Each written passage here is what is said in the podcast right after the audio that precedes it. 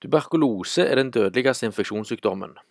Det sies at tuberkulose er skylda en bakteriesykdom som danner såkalte tuberkulum, altså små knuter i lungene og andre organ.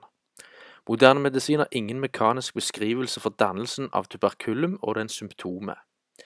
Det er dr. Robert Cox, en lege fra Tyskland, som var den første til å påvise at sykdommen var forårsaket av en bakterie langt tilbake i tid. Men før Cox' tid var det allerede utført dyreeksperiment, hvor det ble injisert kroppsvæske eller vev fra avdøde mennesker med da tuberkulose, og så påført dyr. Og dyra ble da smitta med tuberkulose og fikk tuberkulum. Men det beviser ikke at bakterien er årsak til sykdom, for kroppsvæska eller vevet som ble ekstrakta fra de avdøde menneskene, er forurensa og inneholder gud vet hva, for så å bli injisert i dyra. For å kunne bevise at bakterien er årsak til sykdom, må spesifikke kriterier oppfylles. Og disse er oppkalt etter Robert Cox, og har fått navnet Cox postulates, og er en gullstandard som består av fire rasjonelle, logiske kriterier. Kriteriene oppfylles ikke ved tuberkulose eller annen type infeksjonssykdom. For eksempel så sier kriteriet nummer én følgende at bakterien ses kun hos syke, ikke hos friske.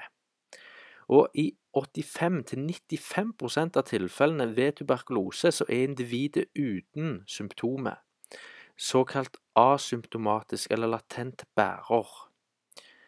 Og i hele 50% av tilfellene ved tuberkulose så kan bakterien ikke klinisk påvises i tidlig stadie ved sykdom, til tross for dannelsen av tuberkulum i f.eks. lungevev. Med andre ord, personer kan ha sykdommen uten at bakterien er til stede. På samme måte kan friske ha bakterien uten å være syk. Allikevel er det akseptert som vitenskapelig fakta at sykdommen har sitt opphav fra infeksjon av bakterier.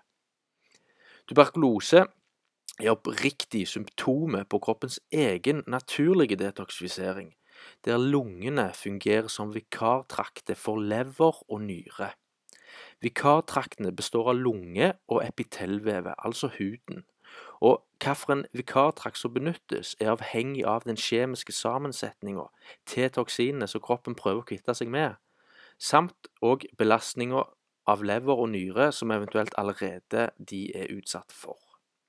Og på denne måten her så legges det til rette for eliminering av toksiner og generell avfallsprodukt på best mulig måte.